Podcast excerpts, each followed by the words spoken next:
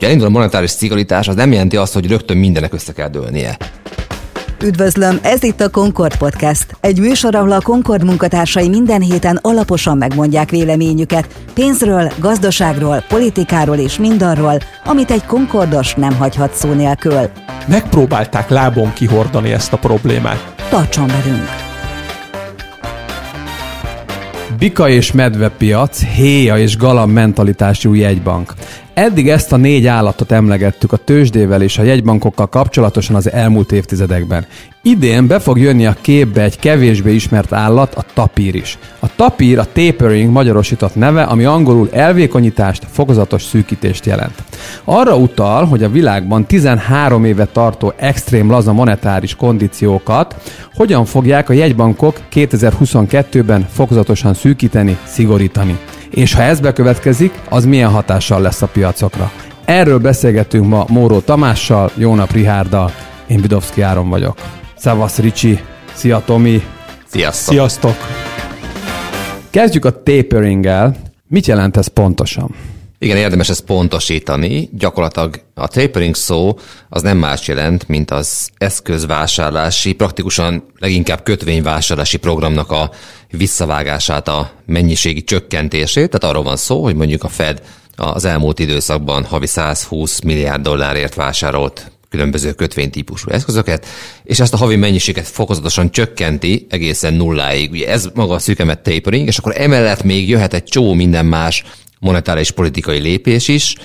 Az egyik ilyen érdekesség az persze a kamatemelés, amiről azért gyakran beszélünk és viszonylag közismert. A másik az úgynevezett QT, vagy Quantitative Tightening, ami arról szól, hogy a jegybank mérle főszegét csökkentik. Tehát nem csak arról van szó, hogy stagnál majd a jegybank pénzmennyisége a gazdaságban, hanem effektíve csökkentésre is kerül.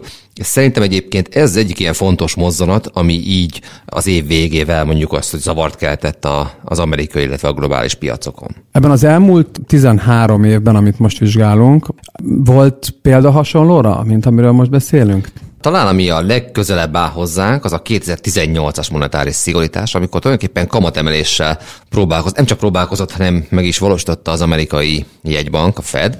Tehát gyakorlatilag akkor egy elég komoly kamatemelési hullám zajlott le, amelyet először a piacok kétkedve néztek, aztán elkezdtek összeroskadni ennek súlya alatt. A mostani időszaknak az egyik fő kérdése, hogy a Fed az megismétli ezt a az intenzív monetáris szigorítást, akkor egyébként 3%-os szintig ért el a, az amerikai kamatszint. Ez ma, mai szemmel nézve egy csillagászati magasság, de azért nem kell olyan messzire visszanéznünk, hogy lássunk ilyen magas kamatszinteket. Nagyon érdekes volt ez a 2018-as eset, mert kapcsolódott egy olyan Fed kommunikációhoz, ami tíz év után vette ki a jegybanki ülések, ugye van évente 8, tehát körülbelül 80 jegybanki ülésen mindig ott volt, hogy a Fed monetáris politikája alkalmazkodó még a 2008-9-es válság által teremtett körülményekhez, és ez a kis ökomodatív szócska 2018. szeptember 26-án kikerült a FED közleményéből. Tehát ugyanaz volt a közlemény, és így olvasgatták az emberek, és kikerült ez a szócska, és tulajdonképpen ez volt egy elképesztő monetáris szigorítás, mert azt még követte kamatemelés, de ez volt szeptember 26-án szerdán, rákövetkező héten, október 1-én lokális csúcsot ütött a Nasdaq 100, október 3-án lokális csúcsot ütött az S&P 500, és onnantól kezdve a negyed évben karácsonyig 19,3%-kal esett az S&P 500 index. És emlékezhetünk még arra az időszakra, amikor Donald Trump csúcsra járatva mindennek nevezte Jerome Powell-t, a Fed elnökét, csak normális, becsületes egyéb embernek. Ugye ő nevezte ki még annak az évnek az elején, rettenetesen megbánta ugye az akkori amerikai elnök, hogy itt mi történik, és hogy van ez, hogy neki így az ő alatta lévő piacokon, a kedvenc piacain, amiről ugye nagyon-nagyon szeretett vittelgetni, ilyen botrányos dolgok történnek, és nagyon érdekes volt a hátraarc is, mert az 2019. január 4-én egy atlantai panelbeszélgetésen történt meg, hogy Jerome Powell megemlítette így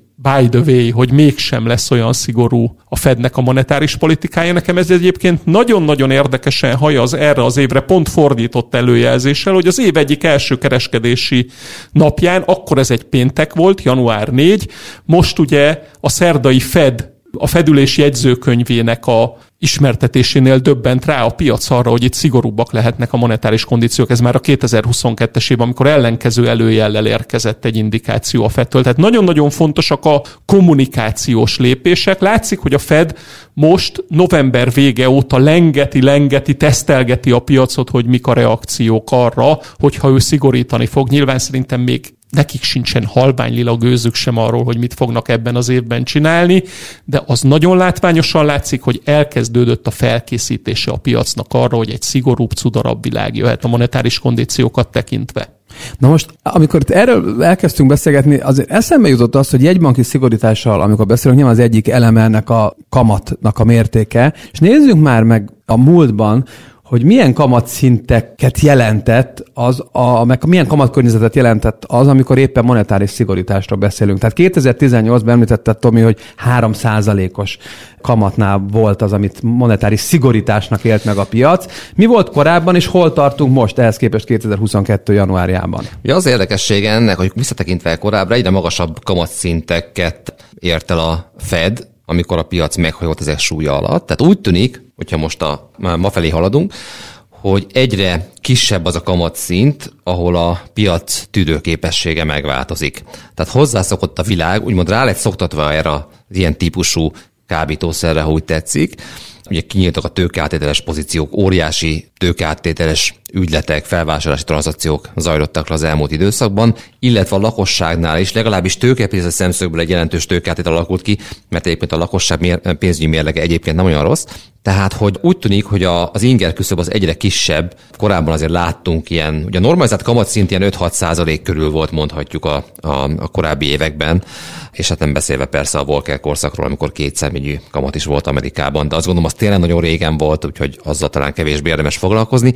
A lényeg az, hogy magasabb kamatszintről indultunk, ilyen 5-6 százalék volt a normalizált kamatszint, ehhez képest most úgy tűnik, hogy már ilyen két és fél százaléknál is teljesen izgalomba jönne a piac sőt, már magától az eszközvásárlási programnak a csökkenésétől is izgalomba tud jönni a piac. Nekem a 2022-es évnek a legnagyobb kérdése az, hogy ugye, ha nem is lesz ez a kvantitatív tightening, tehát nem kezd el eszközöket eladni a Fed, akkor is ugye az eszközvásárlási programját, ami egész 2021-ben az első 10 hónapban 120 milliárd dollár volt, novemberben 105 milliárd, decemberben 90 milliárd, az az egész 2021-ben 1395 milliárd dollárért vásárolt eszközt a Fed, és ugye ez a 30 milliárd dolláros kivezetéssel, ami most jön még január-februárban, ez idén maximum 90 milliárd dollár lesz, tehát hiányozni fog 1305 milliárd dollár, ennyivel kevesebb lesz az a dolog, ami beélénkítette azért a piacot ennek a tavalyi S&P 500 27%-os emelkedésében azért benne volt egy nagyon vastag és masszív szerepe, hogy ennyire lazák maradtak az inflációs veszély ellenére a monetáris kondíciók. Szerintem van egy nagyon fontos dolog, amiről azért kevesen beszélnek, de a háttérben mindenképpen fontos szerepe van. Ez pedig az, hogy a, a gazdaságnak van egy normál pénzigénye. Az inflációval együtt ez folyamatosan nő, ráadásul nagyon mértékben nő ami normál tranzakciós pénzigény, ha így tetszik, és tulajdonképpen azért a vadabb spekulációt a befektetők az e feletti pénzekből szokták megvalósítani. Tehát egy ilyen egyszerű hasonlattal azt a pénzt teszik fel a kaszinóban, amire annyira azért nincsen szükség. Ugye a, a családi költségvetés azért általában az ember nem szokta feltenni a ruletten, de ami extra pénze van, azt inkább, remélem azért kevés család az, aki ezt megteszi. Na a lényeg az, hogy az extra, a fölös pénz, ha úgy tetszik a gazdaságban, az ennek köszönhetően is kevesebb lesz. Tehát, hogy a normál pénzigény a gazdaságban többek között a magas infláció miatt is jobban nő, mint korábban, és ezzel szemben a Fed vagy szinten tartja a pénzmennyiséget, vagy akár csökkent is, azért ez a monetáris kondícióknak egy komoly szigorodását jelenti. Magyarul kevesebb játékpénz marad a kaszinóban. Tavaly még hónapokon keresztül azt hallottuk a Fedtől, hogy az infláció, ami azért megjelent, az átmeneti lesz, és szerintetek miért nyugdíjazta ezt a kifejezést a Fed, az átmeneti szót miért vette ki a kommunikációjából? Szerintem leginkább azért, mert bíztak abban korábban, hogy ez tényleg átmenet. Ugye a pandémia alatt rengeteg minden összezavarodott, és, és nagyon sok mindenre lehet fogni azt, hogy igen, ez csak átmeneti, majd, hogyha vége van a járványnak, ez megoldódik. Azonban volt egy pár olyan mutató, ami azt sugalja, például a munkaerőpiac, foglalkoztatottság, a bérdinamika, hogy ez mégsem átmeneti. Ugye ez az ár-bér spirál, tehát hogy emelkednek az árakra együtt a bérek és a bérigények is, ez ugye visszahat az árakra. Ez annyira széles körülvé vált, hogy ezt már nehéz átmenetnek tekinteni, és ezzel párhuzamosan van egy elég komoly politikai nyomás is. Tehát, hogy az infláció az politikai szempontból abszolút az első számú kérdésé vált az Egyesült Államokban, politikusok naponta foglalkoznak vele, a lakosságot ez naponta sújtja. Ugye hiába emelkedtek kétszemélyi mértékben az alsóbb szegmensekben a bérek, ha ott egyébként az árak is emelkedtek ennyivel. Tehát valójában a lakosság nem él jobban, mint egy éve, hiába emelkedett a bére. Látszik, hogy ez a 2022-es választások során is egy komoly kérdésé vált, és a Fed nem légüres térben mozog. Tehát ezeket a politikai problémákat ugyanúgy meg kell halnia, hiszen most már azért látszik, hogy ez, ez túlhaladta azt az időszakot, amikor, amikor átmenetileg lehet tekinteni. Véleményem szerint, amikor április-május környékén megjelent a világban az inflációs probléma, onnantól kezdve hónapokon át a Fed és ugyanígy a, az Európai Központi Bank megpróbálták lábon kihordani ezt a problémát. Tehát megpróbálták indikálni a piacnak, hogy ez átmeneti, nem kell félni, a, az inflációval együtt a kamatok, az irányadó kamataik nem fognak emelkedni, nem fognak megváltozni a monetáris kondíciók. Viszont én úgy szoktam fogalmazni, hogy ez egy nagyon könnyen egy Kabul pillanathoz vezethetett volna idén, a tőkepiacokon, tehát hogyha tagad, tagad, tagad a fedés, aztán hirtelen nagyon élesen kell befordulnia. Most nem élesen fordul, hanem elkezdett kitáncolni. Először nyugdíjazta az átmeneti szócskát, utána visszavágta a taperinget, majd most jött egy indikáció, hogy szigorúbbak lehetnek a körülmények, tehát a piaci szereplőket folyamatosan készítik fel arra, hogy itt egy másfajta év lesz. Szerintem ők se látják, hogy mi jön, és a bizonytalanságuk miatt indultak el ebbe az irányba. Tehát nem tudnak olyan magabiztosak lenni abban, hogy átmeneti az infláció. Mert nem is lehet magabiztosnak lenni ebben.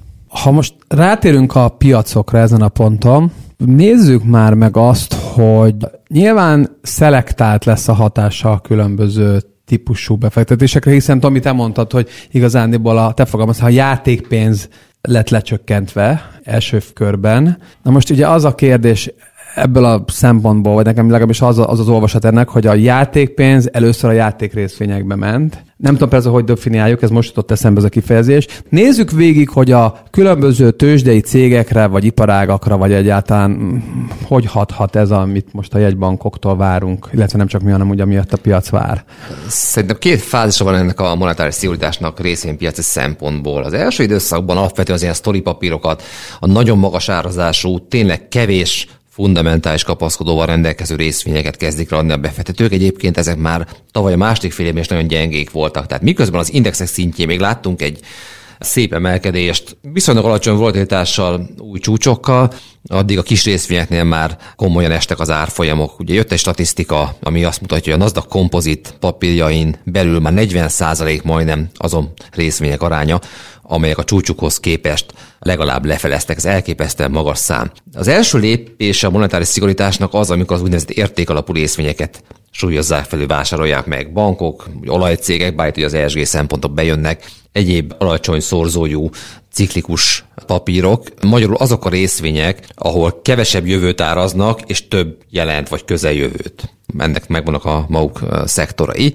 Amikor viszont elindul az olyan típusú monetáris szigorítás, amikor már ténylegesen reálkamat is van, nem biztos, hogy most ez lesz hangsúlyozni kell, de hogyha ha egy általános tartós monetáris szigorítás van, akkor azt sokszor már a részénypiac egésze is megszenvedi, 18 őszén például, akkor az utolsó időszakban már szinte minden szektor esett, tehát akkor már nem nagyon válogattak a részvények között. Hát, bo- bocsánat, konkrétan volt olyan nap, amikor azt néztük, hogy mindennek az ára esett. És év... tényleg mindennek. Igen. Évvégén volt talán a Deutsche Banknak egy kimutatása a világ összes ilyen eszközosztályáról, és 93% volt mínuszos a 18-as évnek a végére, pedig egész év csak egy 6%-os S&P 500 esés volt. Szerintem az üzlet ennek nagyon fontos, tehát hogy elindul a monetáris szigorítás, az nem jelenti azt, hogy rögtön mindenek össze kell dőlnie. Ha viszont a monetáris szigorítás tartós és jelentős, és nagy Isten mondjuk látunk reálkamatot is, abban a pillanatban ez az inflációs eszközallokációs mindset, ugye angol szóval, ez megváltozik, mert akkor már van értelme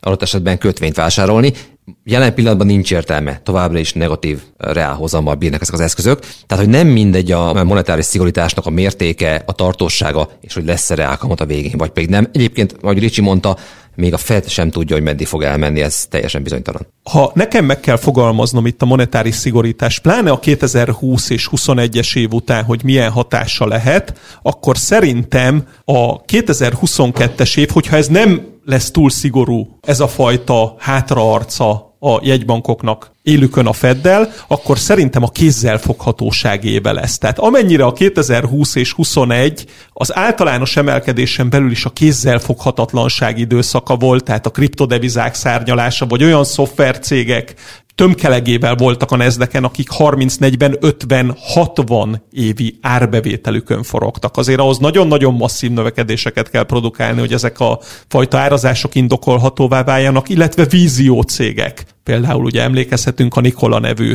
elektromos teherautógyártóra, tehát gyakorlatilag a befektetők minél kézzelfoghatatlanabb volt valami, annál jobban szerették, és annál jobban eltépték az égbe ezeket az árfolyamokat. Most kezd megfordulni. Ez tulajdonképpen a Momentum részvények felől az értékalapú részvények felé való átmozdulást is jelenti egyben.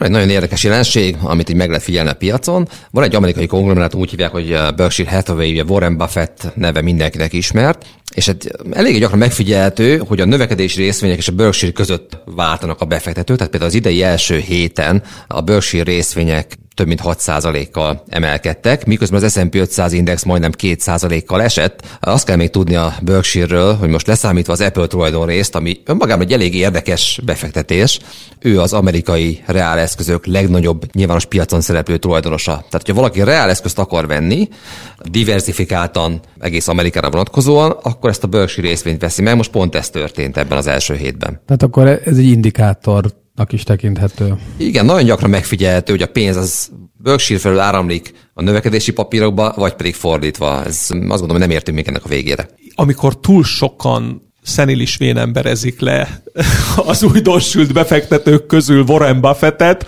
na akkor jön el általában ez a fordulat, és akkor jön el az a pillanat, amire én azt tudom mondani, hogy azért a 2022-es piacnak, amit már láttuk, és itt beszéltünk is róla Tarantino piac néven, hogy azért már nagyon-nagyon sok részvény kapja a saját büntetését, azért látható volt egy olyan dolog, hogy alapvetően évtizedek óta a tőzsdézés, a tőkepiacon való részvétel, az egy nagyon-nagyon nehéz feladat. Tehát konzisztensen profitábilis kereskedővé válni, az egy nagyon komoly önismereti út, aminek a végén azért ott van az a dolog, hogy az embernek az egóját nagyon nagy mértékben, vagy szinte teljesen le kell építeni. Tehát el kell fogadni, hogy a piacnak van igaza, és kész és gyakorlatilag most tömkelegével érkeztek már 2009 óta is olyan befektetők a piacokra, akik nem láttak még nagyobb krakot, vagy egyet láttak életükben, ami 21 napig tartott a koronavírus kapcsán, és aztán Főnix madárként elementáris erővel robbant föl minden. Tehát nagyon-nagyon sok befektető azt hiszi, hogy itt megveszünk valamit, aztán legfeljebb, ha leesik, veszünk még, megvesszük a mélypontokat, és minden mindig fölfelé fog menni. Tehát, és ez a fajta újdonsült befektetői réteg telefonján a kereskedési appal, telefonján a közösségi média appokkal nagyon gyakran az extrém kockázatra ment rá. Tehát nekem egy Klasszikus példa az, hogy a friss közgazdász hallgató unoköcsém a karácsonyi ebéd után odajött, hogy meséljen már el neki, hogy az opciók hogy néznek ki. Tehát amikor a fiatalok körébe ezzel kezdünk, hogy az opció ja. hogy néz ki, ugye, mint egyfajta tőkeáttétel, mert, mert maga a direkt részvényvásárlás már nem annyira menő, akkor az ember fejébe azért megszólal egy kis vörös sziréna, hogy itt kezd a hangulat extrémé válni. Akkor azt mondod, Ricsi, hogy a fiatal tőkepiaci szereplők szempontjából 2022 lehet az alázatéve? Nagyon könnyen lehet. Tehát nagyon sok fiatal szereplő, aki nemrég érkezett a piacra, úgy látja a tőkepiacot, úgy látja a tőzsdéket, hogy ez egy jutalmazó intézményrendszer. Egy wellness központ, ahova bemegyünk, és akkor ott élmények érnek minket. Sőt, ennek vannak kiemelten olyan kategóriája, akik e- egész egyszerűen azt érzékelik a tőkepiacról, annyira jó instrumentumokat is úgy vettek, hogy ez már tényleg az a világ, ahol a kóborkutyák is szivaroznak. És és gyakorlatilag ez szerintem egy olyan percepció, amire itt mi az idősebb generáció azt tudjuk mondani, hogy pontosan láttunk ilyet mondjuk 90-es évek második felében Magyarországon, 98 elején. Szerintem mi is nagyjából így éreztük ezt az egész világot, és aztán Én hónapok biztosan. alatt jött egy hirtelen váltás, és megjelenik a piacnak az a fajta arculata, hogy ez bizony egy büntetés végrehajtási intézetté is tud válni, ahol bizonyos pozíciókba elkezdenek repkedni a három évek, öt évek, tíz évek, hogy annyi idő múlva kerül pozitívba egy pozíció, és nagyon gyakori az életfogytiglanok. A tényleges életfogytiglanok kiosztása nagyon-nagyon sok papírban. Tehát amit én indikálnék erre az évre, mindenképpen akármi is fog történni a több balázat, a jobb kockázatkezelés, stoppok behúzása, elhatárolás, hogy mennyit hajlandó valaki veszíteni egy adott pozíció, mennyit hajlandó veszíteni mondjuk egy negyed évben vagy egy évben, és hogy mit fog csinálni akkor, ha nincs igaza. Tehát ez a fajta dolog, hogy fel kell mérni az, hogy mi lesz akkor, ha nincs igaza ebben a bizonytalan világban.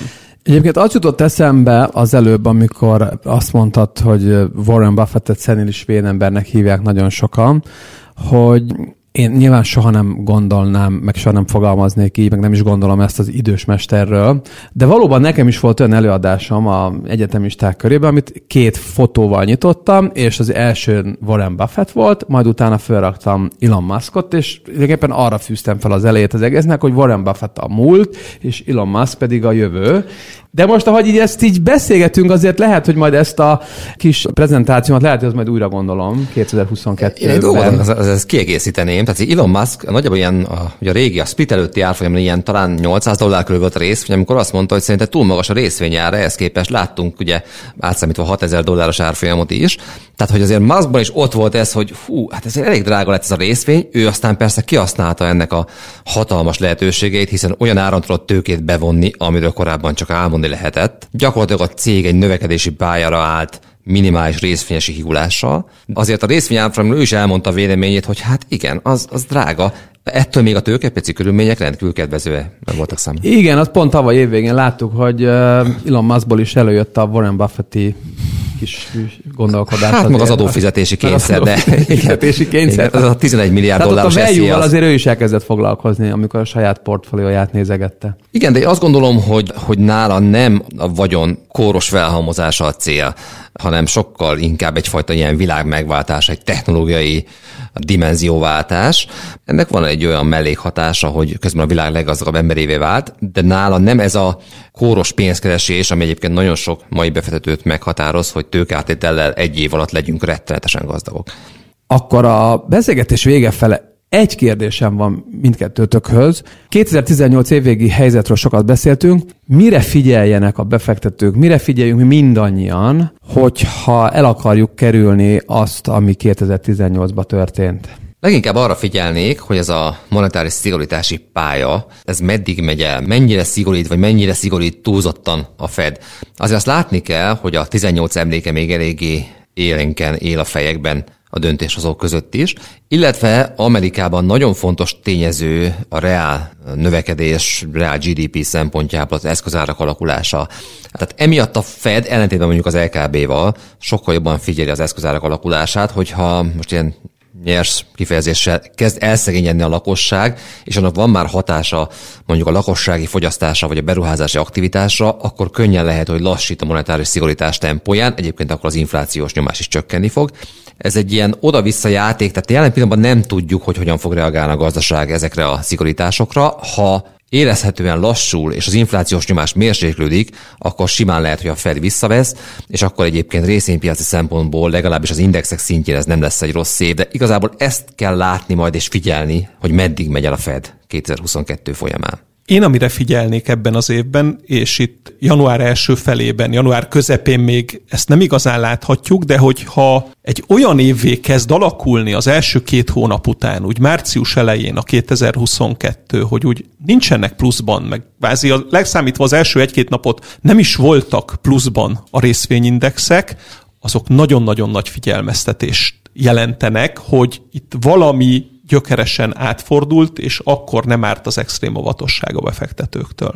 Ugye nagyon érdekes, csak még egy gondolat, hogy van ez a klasszikus 60-40 portfólió, ugye 60% részvény, 40% kötvény. Idén ez totalitőn alapon negatív, tehát mind a két lába negatív, ez el tud viselni egy pár napot, pár hetet, de azért, hogy ha ez tartós, akkor az mindenképpen felvet azt a kérdést, hogy hogyan tovább. Úgyhogy meglátjuk, hogy a Fed meddig megy el, érdekes évelé nézünk.